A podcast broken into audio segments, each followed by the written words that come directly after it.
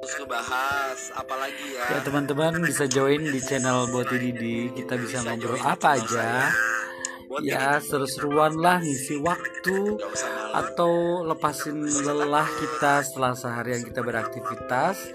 And then malam-malam kita belum ngantuk kita bisa ngobrol. Apa pun itu.